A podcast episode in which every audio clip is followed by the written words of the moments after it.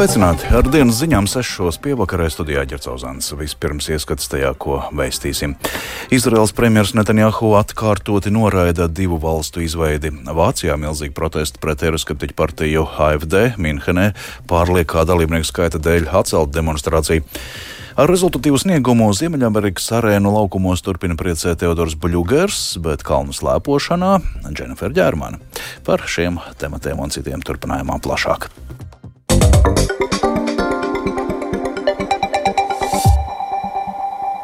Ukrainas armija šodien apstiprināja, ka atstājusi Krohmaļnas ciemu Harkivas apgabalā, taču uzsvērus, ka atkāpšanās neapdraudot flangos esošās vienības. Armija esot atkāpusies uz jaunām jau iepriekš sagatavotām pozīcijām. ASV Kara pētniecības institūts par Krohmaļnas atstāšanu ziņoja jau vakar. Pirms Krievijas atkārtotā iebrukuma Ukrainā šajā ciematā bijušas tikai piecas mājas un dzīvojuši 45 cilvēki. Visas piecas mājas Krievijas iebrucēji sagrāvuši un nolūkā saglabāt Ukraiņu karavīru dzīvību viņi atkāpušies uz jaunām pozīcijām, tā norāda armija. Bet Krievijas Ustlugas ostā aizvadītajā naktī izcēlies ugunsgrēks uzņēmumam Novatek piedarošajā dabasgāzes terminālā, tā paziņoja Ļeņingradas apgabala gubernators Aleksandrs Drozdenko. Viņš apgalvo, ka ugunsgrēkā cietušo nav, bet par ugunsgrēku cēloņiem nekādu informāciju nesniedz. Savukārt Ukrainas izlūkdienesti ziņo, ka veikuši lidrobotu uzbrukumu Ustlugas ostai. Vairākas lietotnes telegram kanālos ziņo, ka vietī iedzīvotāji dzirdējuši lidrobotus un sprādzienus. Avots Ukrainas drošības dienestos izdevumam Ukrainska pravda pavēstījis, ka Ukrainas galvenā izlūkošanas pārvalde un Ukrainas drošības dienests naktī veikuši lidrobotu uzbrukums ne tikai dabasgāzes terminālim Ustlugā, bet arī militāriem objektiem Smoļenskā, Tulā un Orlā. Lielbritānijas aizsardzības ministrs Grāns Šaps pauda sarūktinājumu par Izraels premjera Benjamina Netanjahu atkārtot atteikšanos piekrist neatkarīgas Palestīnas valsts izveidei. Netanjahu sarunā ar ASV prezidentu Džo Baidenu paziņoja, ka Izraels drošības vajadzības nepieļauj divu valstu risinājumu. Tas ir tiešā pretrunā ar līdzšinējo Baidena administrācijas nostāju, ka, kurš vēl pirms dažām dienām atkārtoja, ka joprojām atbalsta divu valstu izveidi. Un līdzīgi izteicās arī Eiropas Savienības augstais pārstāvis ārlietās Žozeps Borels. Turpina Hartims Konohovs. Rietumu politiķi turpina atkārtot, ka divu neatkarīgu valstu, Izraels un Palestīnas izveidi ir vienīgais risinājums, kas varētu nest ilgtermiņu mieru. Tomēr Izraels premjerministrs Benjamins Netanjahu ir atklāti iestājies pret šo modeli. Saskaņā ar Netanjahu preses sekretāra teikto, telefona sarunā ar ASV prezidentu Džo Baidenu Izraels premjers paziņoja, ka neatkarīgās Palestīnas valsts izveide nav iespējama, jo tas radītu apdraudējumu Izrēlai. Vēl piekdien Baidens Baltajā namā mēģināja aizstāvēt Netanjahu un sacīja, ka divu valstu modelis ir dzīvotspējīgs. Pastāv dažādi divu valstu risinājumi. Ir vairākas valstis, kas atrodas ANO sastāvā, bet kurām nav savas armijas. Tādēļ es domāju, ka pastāv veidi, kā to varētu panākt. Baidens arī atkārtoja pieņēmumu, ka teroristiskā grupējuma Hamas uzbrukums Izrēlai ir noticis tādēļ, lai iztraucētu Izraēlas un Arābu valstu attiecību normalizāciju. Izrēlai ir tam jātiek pāri. Pastāv veidi, kā to izveidot. Es nevaru to pierādīt, bet, manuprāt, viens no iemesliem, kādēļ Hamas izdarīja to, ko viņi izdarīja, ir tādēļ, ka es nebiju gatavojies palīdzēt noslēgt vienošanos ar Saūda Arābiju, kas vēlējās normalizēt attiecības, pilnībā normalizēt attiecības ar Izrēlu. Tas pavilktu līdzi vēl sešas arābu valstis un pilnībā mainītu dinamiku reģionā. Rēģējot uz Netanjahu atteikšanos no divu valstu izveidas principa, Lielbritānijas aizsardzības ministrs Grants Šaps ir sacījis, ka viņš ir sarūktināts dzirdēt šādus vārdus. Savukārt ANO ģenerālsekretārs Antonio Guterres ir atkārtoti nosodījis masveida civiliedzīvotāju nogalināšanu Gazā. Uzstājoties Ugandā, Guterres sacīja, ka Izraels militārā operācija ir radījusi milzīgus postījumus, kādus viņš savu pilnvaru laikā vēl nebija piedzīvojis. Grupējuma Hamas pārvaldītā Gazas veselības ministrijas svētdien paziņoja, ka kopš pagājušā gada 7. oktobra bojagājušo palestīniešu skaits ir sasniedzis 25 tūkstošus cilvēku. Tomēr aptaujas liecina, ka aptuveni divas trešdaļas izrēliešu joprojām atbalsta militāro operāciju Gazā un cīņu pret grupējumu Hamas. Bet domstarpības par Netanjahu izvēlēto taktiku kļūst arvien redzamākas. Viedokļu sadursmes par to, vai vajag turpināt aktīvu karadarbību, pastāv gan tā dēvētajā Nacionālās vienotības valdībā, gan iedzīvotāju vidū. Sesdien valstī notika dažādas protesta akcijas. Daži pieprasīja darīt vairāk, lai nekavējoties atbrīvotu gūstekņus, citi aicināja pārtraukt karu un rast miermīlīgu risinājumu. Vēl citi aicināja Netanjahu nekavējoties atkāpties no premjera amata. Haifā starp protestētājiem un policiju sākās sadursmes, kad kārtības sargi mēģināja konfiscēt dažus plakātus. Arčuns Konahaus Latvijas Rādio Briselē. Pret labējo ekstrēmismu vērstās Minhenes demonstrācijas rīkotāji, ņemot vērā pārmērīgu lielo dalībnieku skaitu, atcēluši šodien iecerēto pasākumu, tā paziņoja policija. Tā norādīja, ka potenciālo demonstrantu skaitam sasniedzot 80 tūkstošus, vairs nesot iespējams garantēt drošību. Sākotnēji tika plānots, ka demonstrācijā piedalīsies 25 tūkstoši cilvēku un ka par kārtību gādās 400 policistu. Vācijas pilsētās jau nedēļu notiek lielas demonstrācijas, kuras izraisījušas ziņas, ka labējās Eiroskeptiķu partijas alternatīva Vācija, jeb AFD pārstāvi novembrī esot piedalījušies slepenā sanāksmē ar labējiem ekstrēmistiem, kurā plānota um, to miljonu imigrantu piespiedu izraidīšanu, kas nav pietiekami integrējušies Vācu sabiedrībā.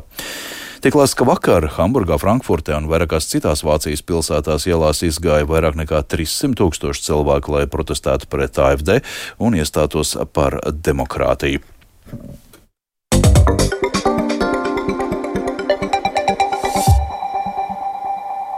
Tuvinieka aiziešana, īpaši ārzemēs, ir smaga gan emocionāli, gan arī organizatoriska nasta, kas lielākoties gulstas uz tuvinieku pleciem, jo ir jādomā, kā veikt cilvēku repatriāciju uz Latviju. Ja tas bijis īslaicīgs ceļojums, svarīgi vai personai bijusi ceļojuma apdrošināšana, kurā iekļauta mirstīgu atlieku repatriācija, tādējādi lielās izmaksas sadz apdrošināšanas kompānija.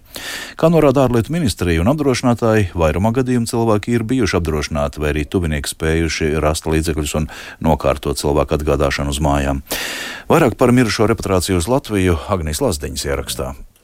Latvijas valsts budžetā nav paredzēta līdzekļi ārzemēs mirušo Latvijas valsts piedarīgo apbedīšanai vai to mirstīgo atlieku pārvešanai uz mītnes zemi. Tomēr mirušās personas tuvinieki var sazināties ar Latvijas Republikas vēstniecību konkrētajā valstī vai ārlietu ministrijas konsulāro departamentu, lai saņemtu informāciju par iespējamo tālāko rīcību, proti mirušās personas repatriāciju jeb transportēšanu uz Latviju vai arī apbedīšanu turpat konkrētajā valstī, kur persona atradās, kā skaidro ārlietu ministrija. Zviedrijas konsulārās palīdzības nodaļas vadītāja Sandra Salmiņa Šuke pagājušā gada laikā ārlietu ministrija saņēmusi informāciju par 223 mirušiem Latvijas valsts piedarīgajiem, starp kuriem ir gan ārzemēs patstāvīgi dzīvojošie, gan tie, kam ir Latvijas un citu valstu pilsonība. Pilnīgi droši mēs varam teikt, ka tā nav pilnīga statistika, jo par daudziem pārsvarā trešās valsts varētu arī neziņot. Mēs vienkārši nesaņemam šo informāciju. Ģimenes pats tiek galā, tuvinieki, radinieki ar šo mirušā, iespējams repatriāciju, iespējams apbedīšana konkrētajā ārvalstī, kā kurā gadījumā.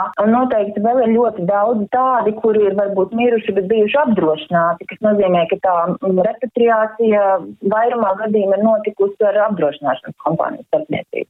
Arī Latvijas apdrošinātāju asociācijas prezidents Jānis Bāšins norāda, ka repatriācijas skaitam ir tendence pieaugt. Gadā vidēji apdrošinātāji saņem 150 līdz 170 repatriāciju gadījumu, kur vairums no tiem ir saistīti ar dzīviem cilvēkiem. Tāpat viņš uzsver, ka skatoties no materiālās puses apdrošināšanai ir liela nozīme, jo finansiāli repatriācija izmaksā ļoti dārgi.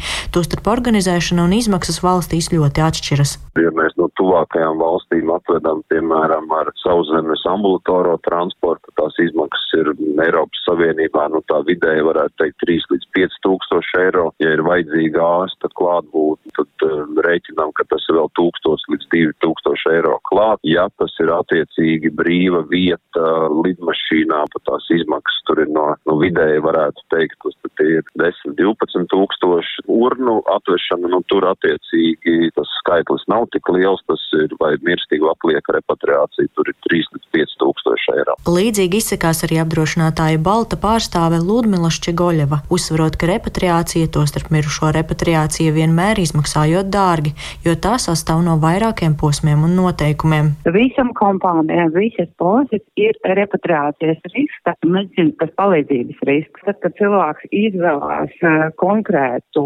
piedāvātu apdrošināšanas polisi, viņam jāpievērš uzmanību arī kādu summu viņam garantē konkrēta apdrošināšanas kompānija par repatriācijas risku, jo viņi dalās uz slimnieka repatriāciju un mirstīgu atlieku repatriāciju. Ja mirusī persona nav bijusi apdrošināta un tuviniekiem nav izdevies atrast līdzekļus mirstīgo atlieku vai pīšļu pārvešanai uz Latviju, persona var tikt apglabāta ārvalstīs uz attiecīgās ārvalsts sociālās nodrošināšanas iestāžu rēķina Agnija Lazdiņa, Latvijas radio. Nodarbinātības valsts aģentūra šogad tiešsaistē rīkos četrus tematiskos seminārus par drošu darbu Eiropā, kurā informēs par bezdarbnieku pabalstu un tā eksportu, par ģimenes pabalstiem, strādājot citā Eiropas Savienības valstī, par to, kas jāņem vērā, izmantojot privāto darbiekārtošanas firmu pakalpojumus, un arī par pensiju, ja darbs bijis vairākās Eiropas valstīs. Kādi semināri ir nepieciešami, skaidro Nodarbinātības valsts aģentūras Eiropas nodarbinātības dienestu tīkla konsultants Andris Segliņš. Redzam, ka Latvijas iedzīvotāji izmanto darba mobilitātes iespējas un dodas strādāt arī uz ārvalstīm, taču nevienmēr arī ir tā, ka iedzīvotāji zina vai izprot tādas lietas, kas, kā saka, nāk līdzi, ja mēs strādājam citā valstī, kā piemēram, kā darbs ārvalstī ietekmēs ģimenes pabalstu saņemšanu, jeb kā notiek bezdarbnieku pabalsta saņemšana, ja ir došanās darbā uz citām Eiropas valstīm, jeb arī ja darba attiecības ārvalstīs tiek izbeigtas un ir vēlēšanās saņemt bezdarbnieku pabalstu.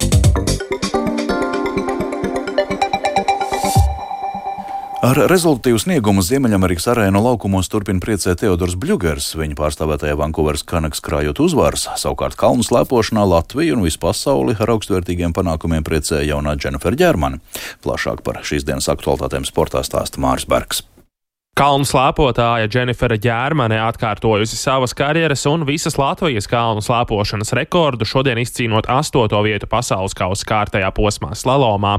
Pirmajā braucienā Ģērmanei 11. laiks, bet otrajā braucienā jau sestais rezultāts. Turklāt otrajā braucienā viņai izdevās pārspēt slaveno amerikāņu kalnu slēpotāju Mikēlu Šifrinu. Tiesa Šifrinas pārsvars pēc pirmā brauciena pār visām konkurentēm bija tik liels, ka viņa tik un tā svinēja uzvaru visā posmā. Latvijas Biatlona izlases līderis Andrejs Rastargojevs šodien izcīnīja 12. vietu pasaules kausa posmā Anholcā 15 km sacensībās ar kopēju startu. Rastargojevam trīs kļūdas šaušanā. Visgoda piedestāls šoreiz Norvēģijai, uzvaru izcīnot Vētlēm Kristiansenam. Biatlonā tagad pienācis laiks sezonas galvenajiem startiem. Nākamnedēļ Eiropas čempionāts, bet februārī Čehijas trasē Novemesto arī pasaules čempionāts. Nacionālajā hokeja līgā rezultatīvi turpina spēlēt Teodors Bļugers Bluegers un Vankūveras Canucks. Viņiem šonakt ar 6-4 uzvarot Toronto Maple Leafs. Bluegers savā 300. NHL spēlē uz ledus pavadīja 17,5 minūtes, viņam izceļoties ar divām rezultatīvām piespēlēm un arī pozitīvu liederības koeficientu plus 1.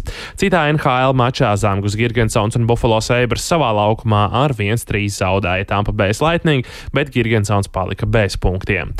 Dienvidkorejā turpinās jaunatnes ziemas olimpiskās spēles un Latvijas U-16 3 pret 3 hokeisti šorīt turpināja rezultatīvi ar 24-1 sagrājot Lielbritāniju, bet dienas otrajā mačā ar 15-11 apspēlēti Kazahstānas hokeisti. Latvijas komandas galvenais treneris Lauris Dārziņš ir apmierināts ar sniegumu, bet savus spēlētājus aicina nezaudēt koncentrēšanos. Izaicinājums, lai nerodās mūsu sniegumā slikti ieradumi, mēs uzskatām, ka šobrīd tas ir Mūsu mūzikas instruments ir labi noskaņots, tāpēc jāpieskata vienam otru, lai viņš e, neizregulējās. Latvijas izlases vārtu vīrs Roberts Kravalis sarunā ar Latvijas Olimpisko komiteju norādīja, ka komandai šī uzvara pret Kazahstānu bijusi ļoti svarīga.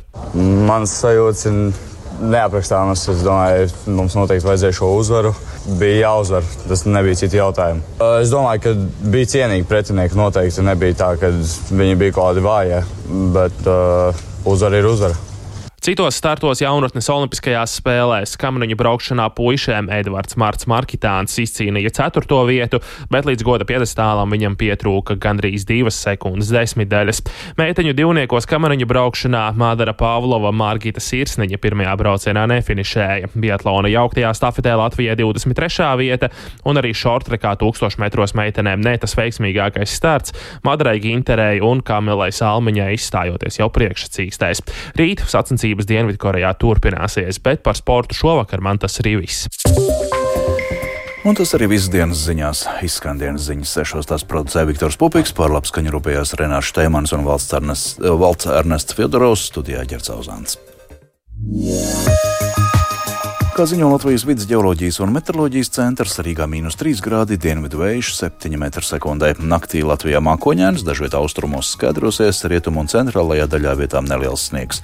Brāzmainis dienvidu vējš piekrastē līdz 18 m2. Gaisa temperatūra austrumos mīnus 10, mīnus 5, citur Latvijā mīnus 4 līdz 1 grāds. Rītdienā pārsvarā mākoņēns un daudz viet nokrišņi, sniegs, slapjš sniegs, rietumos arī lietus, vietām atkal brāzmainis dienvidu, dienvidu rietumu vējš līdz 23 metriem sekundē. Gaisa temperatūra galējos dienvidu austrumos - 2 grādi, citur Latvijā no - 1 līdz 4 grādiem.